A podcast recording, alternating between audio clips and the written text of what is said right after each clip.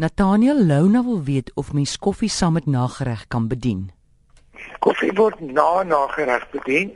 Koffie, hoe sê mens die orders vir koffie? Vir wie wil koffie hê? Vra jy tydens nagereg. Die rede hoekom dit gedoen word is omdat koffie self baie keer diens doen as nagereg. Koffie het 'n baie sterker smaak. Koffie is 'n baie sterker ding. Dit is nie 'n tee nie wat jy doen saam met koek of iets. Tee is 'n wat is accommodating? Is 'n accommodating mm. ding. Dis 'n sampioen. Dit gaan saam met goed. Koffie is 'n smaak op sy eie en die baie kere sal dit die nagereg bederf of oordonder. Vir alles as dit 'n nagereg is wat met 'n sorbet of 'n koue roomys of iets bedien word. Ek weet nooit vir mense koffie aan nie tot teen tyd wil hulle met loop. Jy by my huis wil jy koffie hê, weet jy nog gaan. maar ek sal champagne aanbied of so. Tradisioneel saam met nagereg bedien jy champagne en jy bedien 'n bietjie water vir vir mense wat wat die soetigheid bietjie wil balanseer. Daar's niks fout nie. Jy kan doen wat jy wil op aarde. Al wat ek vertel, verduidelik is maar net dit gaan oor die smaak, maar in 'n restaurant kan jy vra daarvoor. Ons eet kaaskoek en ons stel koffie afhangende van die nagereg. As dit twee smake wat saam gaan, as dit nie saam gaan is nie, oor die algemeen baie mense verkies om van die tafel af op te staan en koffie en petit fours of macaroons of sjokoladetjies of whatever op 'n ander plek in die sitkamer of op 'n stoep of op 'n ander plek te gaan geniet. Maar tradisioneel wil koffie direk na na gereg bedien. Hmm. Iemand wil weet hoe oud was jy toe jy jou talente ontdek het en wat het jou laat besef dat jy kan geld maak daaruit en kan jy asseblief raad gee vir 'n toekoms in die kunste? Ek was 5 jaar oud en ek het met 'n opgestopte slang uit 'n vasgoedmandjie uitgeklim en gedans vir die hele familie. My oupa het my 5 rand gegee om op te hou. Dit weet ek dit wat ek wou doen.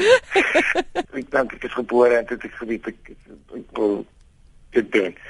En so, dit, dit is moeilik om 'n begin te maak in sogenaamd in die kunste want die mense word nie opgelei en enigstens in die feit dat dit 'n besigheid is en hoe maak jy geld en hoe begin jy 'n vryskut werk en hoe werk belasting en hoe doen jy eie ding en so nie. Dit is 'n baie belangrike ding en as iemand in drama of musiek of iets studeer moet jy in die aand gaan of op 'n plek in 'n komputerkursus gaan doen en 'n PR kursus en 'n marketing kursus hmm. en 'n finansiële ding. Jy moet leer in die wêreld dit is nie die maklikste bedryf nie. As jy 'n kind het wat daarin wil gaan offer hom enigiets anders as hy dan nog baie dan moet hy daarin gaan. Dit is nie 'n maklike lewe nie vir baie mense dit maklik. Dit gaan met my goed, maar ek moet 15 jobs doen. Ek deel van my job. Ek moet finansiëel weet hoe werk iets. Ek moet weet hoe werk bemarking. Ek moet weet hoe werk publisiteit en wanneer beperk jy jou publisiteit? Ek moet weet hoe lank in 'n jaar kry jy weg voor 'n moeg is en hoeveel keer in 'n jaar laat jy nie vir nuus vry en wat is privaatheid en wat is dit en hoe groot maar dit gaan oor hoe groot is jou passie en dit gaan oor hoe groot is jou uithou vermoë. Die staat is almal deel van hulle sien hierdie idols goedes en almal stap op met 'n blaar drie note en is dan world famous. Hmm. En en dan hoor ek 2 jaar later weer van hulle nie.